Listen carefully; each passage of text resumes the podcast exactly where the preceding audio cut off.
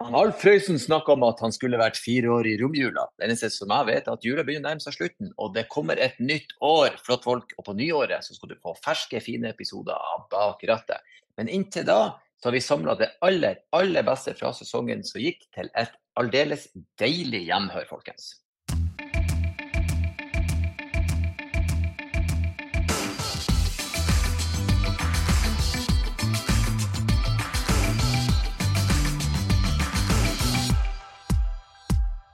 Ja, velkommen til del to av Best of bak rattet.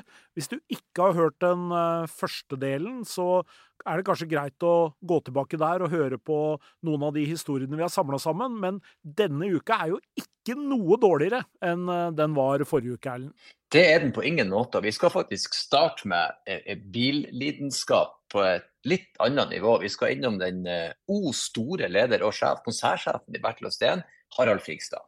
Ja, og han er ikke bare en uh, god leder, han uh, har også erfaring som ung mekaniker. La oss høre hva han dreiv med før han tok lappen sjøl. Ja, altså jeg likte jo å mekke, eh, rett og slett. Altså jeg hadde jo, jeg hadde jo en puck. Eh, ikke sånn med Ikke med pedaler, men Med håndgiret? Eh, nei, det var, det var, faktisk gir på ja, Det var det, ja. ja det var puck, og den ble jo skrudd i hjel til slutt, da. Ja. Um, etter hvert så tok jeg og, og servicen på, på moderns bil da, eh, hjemme, så jeg kjøpte alt av han eh, utstyr for å ta full service. Skifta stifter og Det var lenge før jeg var Nei, jeg tipper jeg var sånn 16 eller noe sånt nå, så da wow. Rundt der med sånn Hva heter det? Stroboskoplampe, ah, ja. ikke det? Ja, og ja, sånne ting du må ha for å uh, sjekke tenningen og, og skifte alt uh, egentlig på den bilen der. Um, så det var jo morsomt. Det var en ganske ny bil da, men det er jo enkle, altså, de var jo enkle da. Det var en Ford Fiesta, og den er veldig enkel og grei, da. Så ja, jeg syns det var kjempegøy, da. Eh, det. Nå skrur jeg ikke noe særlig mer, så nå Dessverre, jeg savner det litt. Neste gjenhør er litt sånn sinnssykt, for det ga meg et veldig unikt innblikk i rally, eh, Stein. Og han eh, Mats Østberg fortalte oss om sitt forhold til uh, frykt, det var, det var, rett og slett enormt. Og Det som er spesielt med Mats, det er at uh, han har ikke et negativt forhold til uh, frykt. Hvor spiller frykt inn? ja, altså Frykt er jo en stor del av det. Det, det må jeg jo si at det er.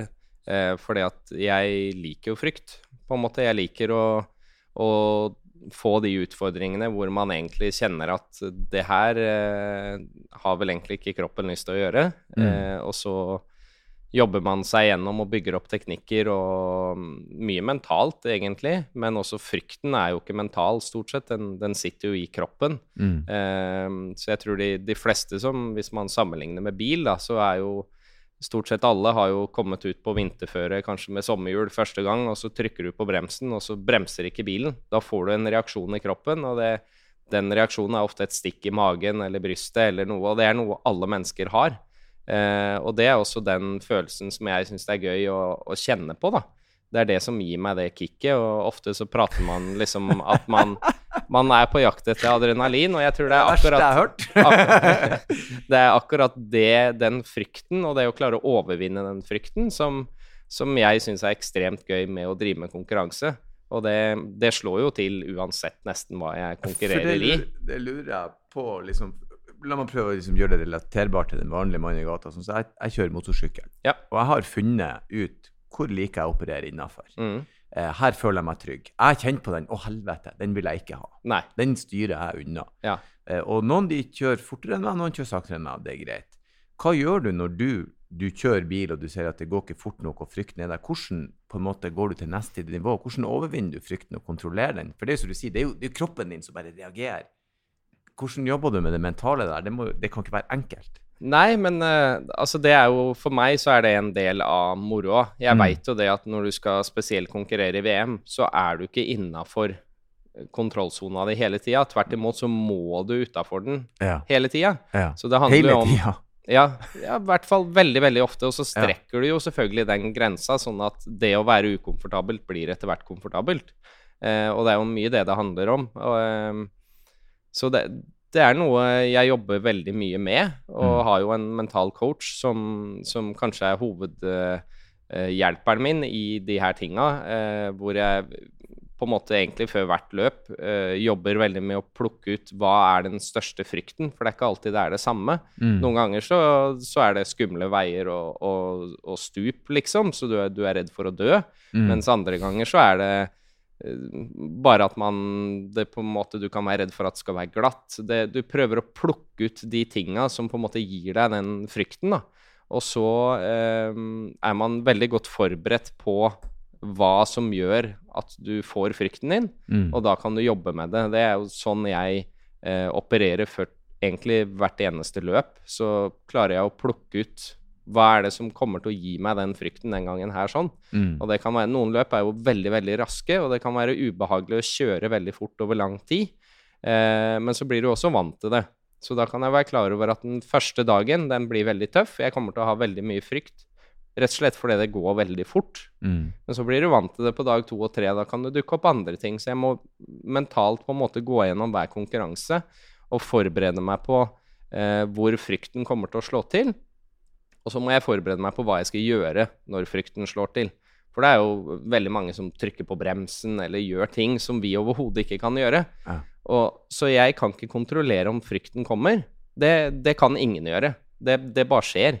Men du kan alltid lære deg til å kontrollere hvordan du reagerer Wow. når du får frykt. Dette er totalt motsatt av hva jeg hadde trodd. For jeg trodde man jobba så opptatt av å være så god at man ikke ble redd. Men du er bare sånn Fuck it, jeg skal bare være redd og akseptere det. Det er det det handler om, eh, i hvert fall for meg, da. Men det er det for veldig mange andre. Jeg jobber også med en del andre utøvere, Ja. eh, og yngre utøvere, og det er det samme stort sett som slår til på alle. Mm. Frykten får du ikke gjort noe med, den er alltid der. Så den, den kommer til å slå til. Det er overlevningsinstinktet vårt, og det er så sterkt at det, du klarer ikke å bare marsje gjennom det. Det Mm. kommer.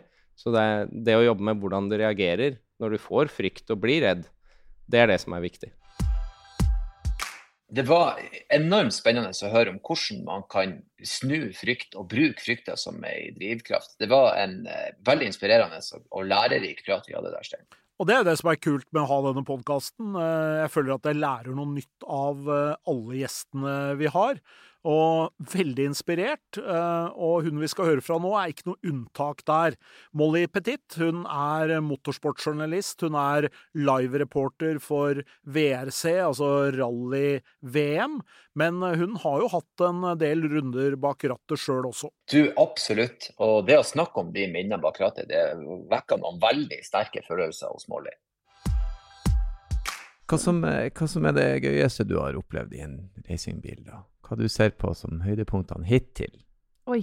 Bak ikke- rattet selv, Ja, eller? Altså sånn Wow. Um, yes, ja, jeg, jeg har jo noen høydepunkter, så klart, resultatmessig. Um, eh, det ble NM-sølv i 2012, og bare ett eller to poeng bak han som vant. Uh, Mm. Og da var det mange biler med i den klassen. Um, mm. Eh, ve veldig spennende hele sesongen. Uh, og så gikk jeg jo videre og fikk eh, kontrakt med Amcar Norge. Um, Mm.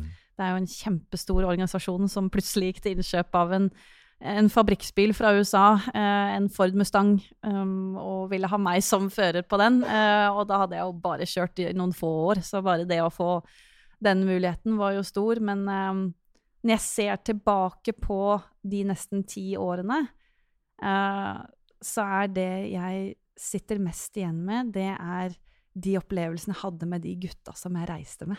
Mm. Jeg blir litt sånn Du får litt sånn klump i halsen av å prate om det. Mm. Oh, um, For det blir et sånt kameratskap. Ja. Som, ja, man drar rundt der og jobber i lag og jobber i Ja. team, og det er intenst. og ja, vi sov inne i en gammel pickup. Altså, de sov i hengeren på den bilen. Og jeg sov i baksetet på en pickup. Og vi lo fra vi dro hjemmefra til vi kom hjem igjen. Og vi skrudde langt ut på natta og That's it. Jeg skal begynne med racing. Men det var Altså, hvis um, Man kan gjøre det så bra man bare vil i egentlig alt mulig, men hvis ikke du har noen å dele det med, mm. betyr det egentlig så mye da? Så det, er liksom, det, det sitter jeg virkelig igjen med sterkest av alt, var eh, suksessen og, og nedturer og bare eh, roadtrips Mm. med, med de gutta der. Så um, det savner jeg kanskje aller mest. Legende er jo et ord vi kaster rundt oss om mange av gjestene, men eh, den neste vi skal høre fra nå, er jo faktisk en legende, både innafor eh, kroppsbygging, fitness og ikke minst innafor superbiler i Norge. Ja, steike ta, Stein, for en godbit av en episode det her eh, ble. altså. Så Harald Skjørt er gründeren bak Haralds Gym. Og han har nok den største Lamborghini-samlinga i landet. Ja, og nå skal vi høre den historien som eh, er om den gangen han hentet sin første superbil. Hva var liksom første litt sånn eksotiske bilen du kjøpte deg, da, der du tenkte sånn Shit, nå, den her har jeg faktisk. Der du var sånn Wow, dette er kult. Jo, det skal jeg fortelle deg. Det er en litt artig historie. For at uh, vi dreiv som sagt med amerikanere. Og jeg gikk jo på skolen. Uh, var heldig og fikk uh, kontrakt som lærling på Fornebu den gangen hovedflyplassen lå der. Og så var det en kompis jeg trena med, som skulle flytte til USA, så han ga meg en bunke med Road and Track. Uh, så han sa at du, du, må bare ta dette her, for jeg kan ikke ta det med meg. Bak på baksida der så står det bilde av en Di Tomaso Pantera. Pantera. Og den ble solgt gjennom Ford-konsernet den gangen. Ja. Og den syns jeg var voldsomt fin å se på. Altså. Nå er vi tilbake i, langt ned i 70-åra. Altså. Ja, ja. Og den var jo litt amerikansk og litt italiensk, ikke sant? Veldig kul bilde. Helt ja. riktig. Det er jo det er jo amerikansk eh, Altså, designeren er amerikansk, men den er lagd i Italia mm. som et typisk italiensk design. Uh, og så er det jo en 350 Cleveland Ford amerikansk motor, som de brukte i Mustanger og alt mulig sånt. Men det som var greia, var det at uh, det fatta mer og mer interesse. Og så sier jeg til en som jobba på innkjøp uh, i selskapet jeg jobba i på Fornebu, at uh, du står for innkjøp av varer og sånn. Kunne du kontakta det selskapet og hørt om de har noen biler til salgs? Noe brukte? For at du kunne ikke ringe den gangen. Det var altfor dyrt. Det gikk på sånn derre Telex, vet du. Ja. Sånn der, nesten sånn morseapparat. Ja, ikke noe problem, sånn. Så han kontakta dem og, og, sånn, da, om det var noe de hadde til salgs. Og jeg husker jeg sto under vingen og skrudde ned ei luke, og så kom han strenende over i hangaren. Og så sa han skjølt, kom ned, nå har jeg fått svar fra Di Tomaso. Og da sto det det at de hadde en ett år gammel bil, rød med svart interiør, eh, som jeg kunne da få for jeg tror det var 18 000 dollar eller noe sånt. Nå, jeg. Og da begynte det virkelig å vippe ordentlig, vet du. Mm. For da var jeg inne på det designet som jeg syntes var enda grommere enn korvetter og sånt noe. Mm. Så for å gjøre en lang historie kort, da.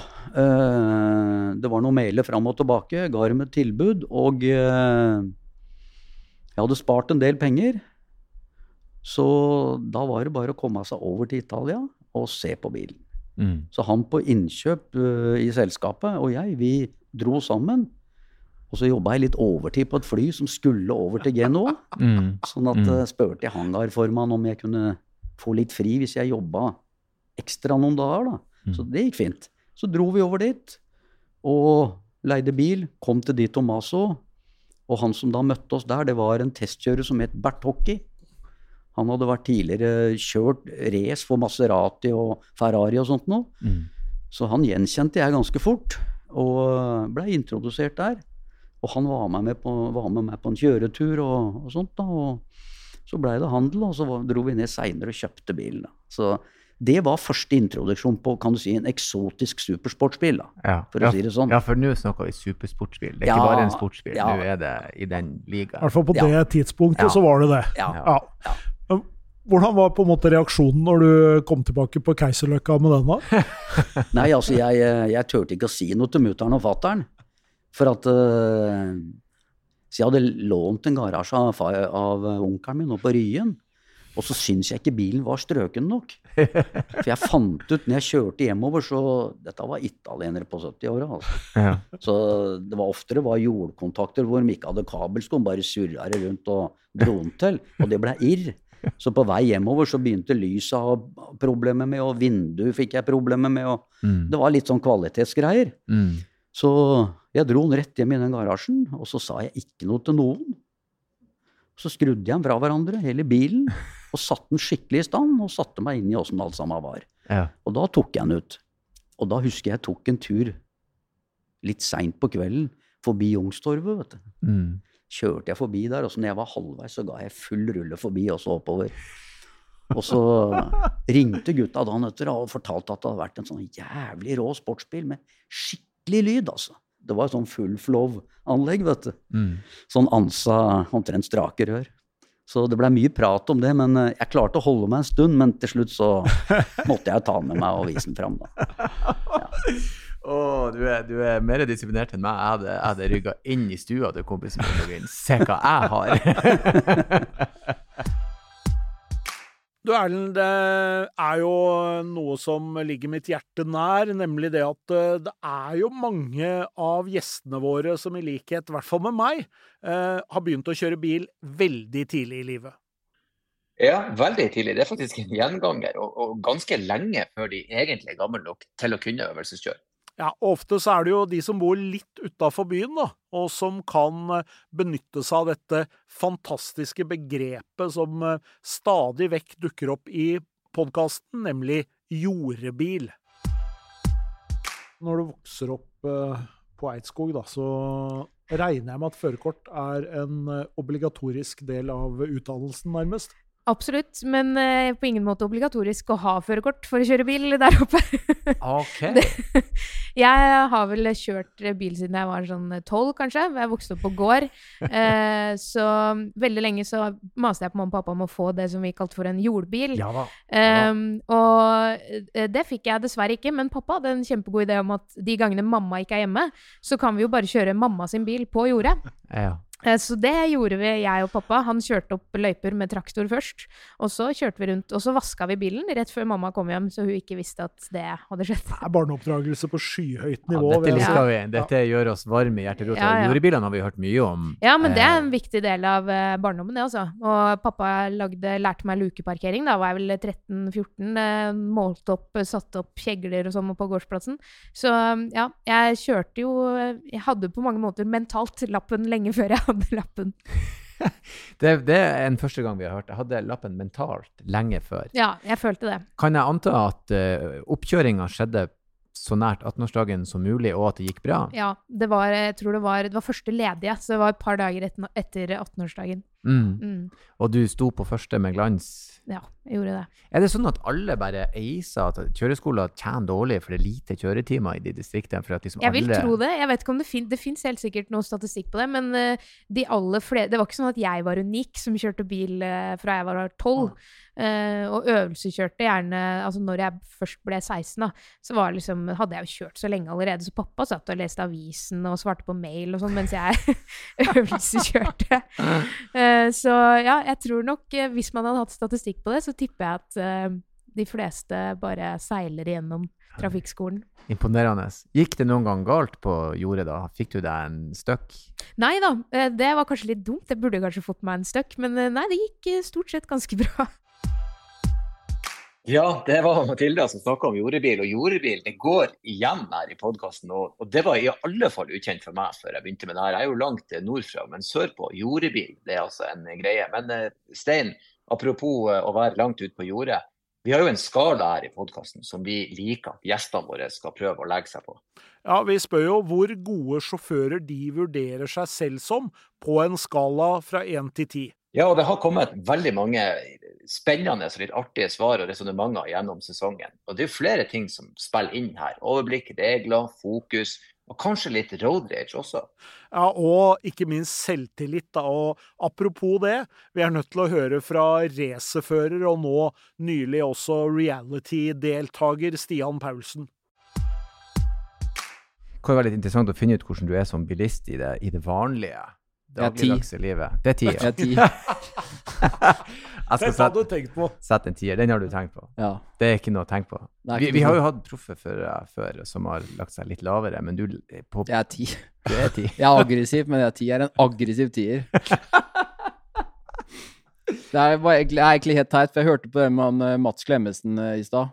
Når jeg skulle ned til bakeren og kjøpe de wienerbrødene gjennom byen. Mm. Da var det en som kjørte 25 inn i byen der. Ja. Og det jeg pærter og blinker på han, Mm. så sier jeg Mats at nei, han er ikke så ille aggressiv, og jeg bremser, jeg. Hvis du har liksom bare tenkt det. Det var så jævla teit at det kom akkurat da jeg driver og pælte på han foran meg.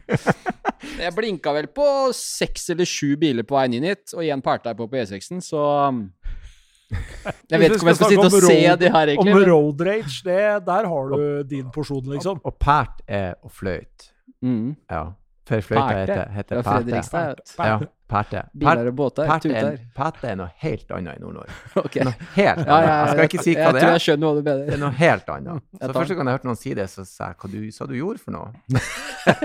Jeg tuter. Liten Tuta. pæte, sa du. Ok. Uh, jo, men så du, du tyrte fløyta? Jeg bruker den hvis ikke de ser lysa, så bruker jeg tuta, ja. Starter med lysa, Starter med lysa. så tuter. og så neste er Uh, Hytta du? nei, det er ikke så mye etter det. Altså. Da, da setter jeg bare på lysa på fullt, så de står der. Det er ikke så ofte jeg må det, da. Men uh, Nei, jeg, ja, men vet du hva? Jeg, jeg kjenner jeg blir varm. Jeg Ja. hater Når den som- ligger i venstrefila på E6-en og bare ligger der, ledig på innsida. Ja. Dra til Tyskland, og altså. Prøv det. Vær så Ja, snill. der får du kjapt der, der, får, er er, f- Ja. det er, ja, det, det gjør du bare én gang. Dra ut til Europa og gjør det. Da de, du får beskjed om Du gjør det bare en gang. Ja da. Det, pass på å slippe folk forbi der. I England så hørte jeg for noen år siden at de begynte å bøtelegge dem som lå sakte i venstrefila på hovedveiene. ja, Eller Det høyre, antagelig. Hæ? Eller høyre, Ja, der blir det kanskje det faktisk. Det blir det. Men det er riktig. Ja, men du, det er jo det. Fordi at eh, du blir jo også bøtelagt hvis du velger å kjøre forbi på høyre side av noen av de som Ja, det, kjører i venstre. Ja, det, Og det er klart, det føles jo litt urettferdig, kanskje. jeg kjører ikke forbi innsida, fordi at uh, det er å gå for langt. Uh, fordi jeg tar de lappen inn på, tenker jeg. Ehm, men jeg kan, eh, hvis det er sånn at eh, han ligger med god margin til bilen foran, da, Jensen jeg tar igjen, som bare ligger med god margin, Mm. og ligger bare rett over fartsgrensa, og det er ledig på innsida, så kan jeg godt legge meg inn og så skli forbi over Sakte. en lengre periode, ja. Ja. Mm. Og så blinke meg ut. Men jeg, bare, jeg kaster meg ikke inn og bare kjører forbi når den kaster meg ut igjen. Det gjør jeg ikke. Men nå, Stein, den siste gjesten fra denne sesongen her, som vi skal få et gjenhør med, han trenger virkelig ikke noe slags form for introduksjon. Her, her er det bare å høre. Verdens beste baklengkjører, velkommen til Radiator City! Det var om å skremme traktorer! Jeg hadde håpa du skulle gjøre akkurat det der. Det er så Det er gøy. Den har, den har festa seg. Altså. jeg har en del samlinger med tenåringer. Jeg var i, noen somre og vært og talt i 1200 konfirmanter i Bø i Sommerland. Ja. Og jeg tenkte første gang Jeg sleit litt om for 1200 konfirmanter, for de kjenner jo ikke meg. Jeg sier foreldrene de veit hvem jeg er. Jeg er utfyll og brom og alt. De vet hva det er for noe. Sånn, 14 år gamle. Men så kom jeg på Men jeg tror dere kjenner meg òg. Jeg er nemlig stemmen til Taue Verdens. Og da eksploderte det i salen! Og hele den uka så kom jo eh, konfirmantene fra hele Det var jo folk fra hele Norge. ikke sant? Kom jo med toalettmappe og putetrekket sitt og skulle ha signert på telefonen og skulle ha lest inn hilsen. Den stemmen der, eh, og den tauebilen, Mm. den har, har gjort at jeg har fått være med på veldig mye fint og sterkt.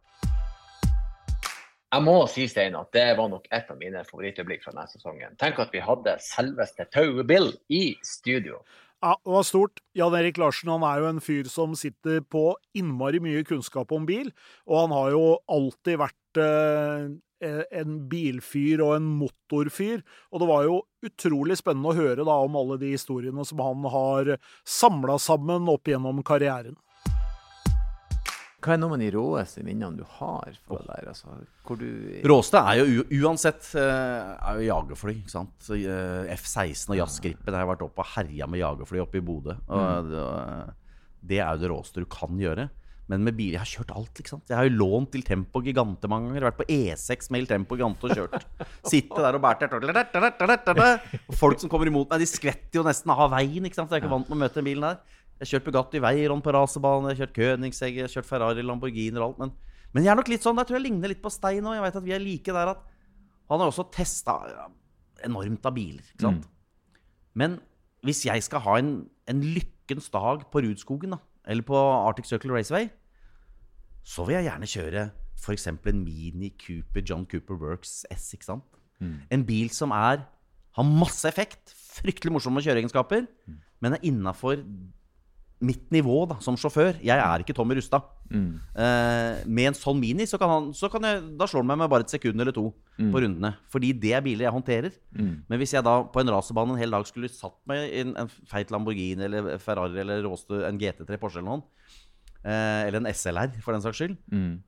så kan ikke jeg kjøre den i nærheten av grensene på den bilen. Så jeg vil heller da ha en, ha en Cooper, eh, Cooper S eh, å kose meg med. Så, så lykken behøver ikke koste liksom mer enn 500 600 000 kroner, da, hvis du skal ha det maksimalt moro. Og så er det noe med, i hvert fall har jeg det sånn, at eh, for meg så er det, hvis det er en bil jeg ikke har kjørt før, altså om det da er en uh, 76 Morris Marina, eller om det er en, uh, ja, eller om det er en, en, en Cayman, liksom. Jeg synes det er like kult uansett, for det, dette har jeg aldri kjørt. Det er bare liksom den der, for det er noe med alle biler. De har noe, liksom. Ja, Det er noe ved dem, ikke sant? De har noe ved seg. Og selv biler som er kjent for å ha verdens verste kjøreegenskaper, er jo en utrolig morsom opplevelse. Ikke sant? Når du virkelig får kjenne og bekrefte det er sant, det jeg har hørt om den bilen her. Den er jo livsfarlig, ikke sant? Den er jo, den er jo motsatt av hva som er sikkerhet. ikke sant? Det er Den har kjempetopp. firkanta ratt, faktisk. Ja. Nei, men det er kult. Jeg er helt enig. Og Ja. det er jo litt av det. Men selvfølgelig, da, så får man, eh, så får man den muligheten. Og så tenker jeg at eh, det å liksom kunne Men på det tidspunktet hvor du lagde Autofil, da var du på en måte litt sånn superstjerne, på en måte. Sånn at den den oppmerksomheten som man får da, med relativt få kanaler tross alt rundt seg også, og ingen som har gjort det før, må jo ha gitt helt unike muligheter, liksom. Helt unike muligheter, og du jobber deg i hjel. Så jeg må, når jeg nå leser om han Stian Blipp denne uka her, som har gått på ultrasmell, når jeg ser åssen Flesvig har det, ikke sant? jeg ser åssen de som nye generasjonen som kommer opp og blir superstjerner Jeg var der, ja. Jeg var superstjerne. Vi, eh, det er ekstremt arbeidskrevende, og du blir ødelagt i huet ditt fullstendig. Fordi du er i en alder og en fase av livet hvor du ikke har lært å si nei. Mm. Alle vil ha en bit av deg. da Alle vil ha en bit, Og du sier ja, ja, ja, ja, ja. Og til slutt så er du der at du i november er utslitt, og så tenk, prøver å si til deg sjøl Ja, men jeg har en frihelg i slutten av mars. Bare jeg kommer meg dit, så skal det gå bra. Da går det gærent til slutt. ikke sant? Så du Det er en ekstrem situasjon. Oi sann, for en eh, gjest det var Jan Erik Larsen. Og for noen gjester vi har hatt. Og hvis du skulle prøve å oppsummere sesongen med ett eller kanskje et par ord, Stein, hva du vil si for noe? Jeg vil si ekstremt underholdende. Eh, innimellom noen historier som virkelig har satt seg, og som jeg har gått og tenkt på etterpå. Og så blir jeg alltid overraska over hvor utrolig mye hyggelige folk med gode historier som fins. Ja, og så er det liksom eh, eh, Man skulle egentlig tro at vi nå, etter å ha holdt på i, i to sesonger, at man skulle på en måte begynne å se et mønster og hørt mye. Men vi, vi hører noe nytt hver en eneste gang. Det er bestandig en ny vinkling, bestandig en ny måte å gjøre det på. Og ikke minst historier som, som er fantastiske. Jeg syns det er veldig, veldig artig også å se at der folk på en måte sier at jeg har ikke noe forhold til bil, jeg er ikke noe lidenskap, og så finner du lidenskapen og forholdet og kjærligheten til det, opplevelsene og, og det å bevege seg rundt i, i verden i med venner, familie, hva som helst. Rett og slett fantastisk. Og jeg gleder meg så eh, enormt til, til, eh, til fortsettelsen til neste år. Og hvis du som sitter og hører det her ble ekstra interessert, så bare gå tilbake, hør episodene i sin helhet. Eh, der er masse, masse bra gjester. Og som sagt, på nyåret så er vi tilbake igjen med nye, gode historier. Men så, Stein, godt nyttår til deg og dine. Jo, takk det samme, Erlend. Og vi ønsker jo også lytterne våre et riktig godt nyttår. Håper at den eh, feiringa blir morsom, entusiastisk, men trygg. Ja, vær forsiktig med fyrverkeriet. Og vi gleder oss veldig til å høres igjen til neste år. Og eh, jeg avslutter sånn som jeg alltid bruker å gjøre, Stein, men aldri så liten, kjør forsiktig.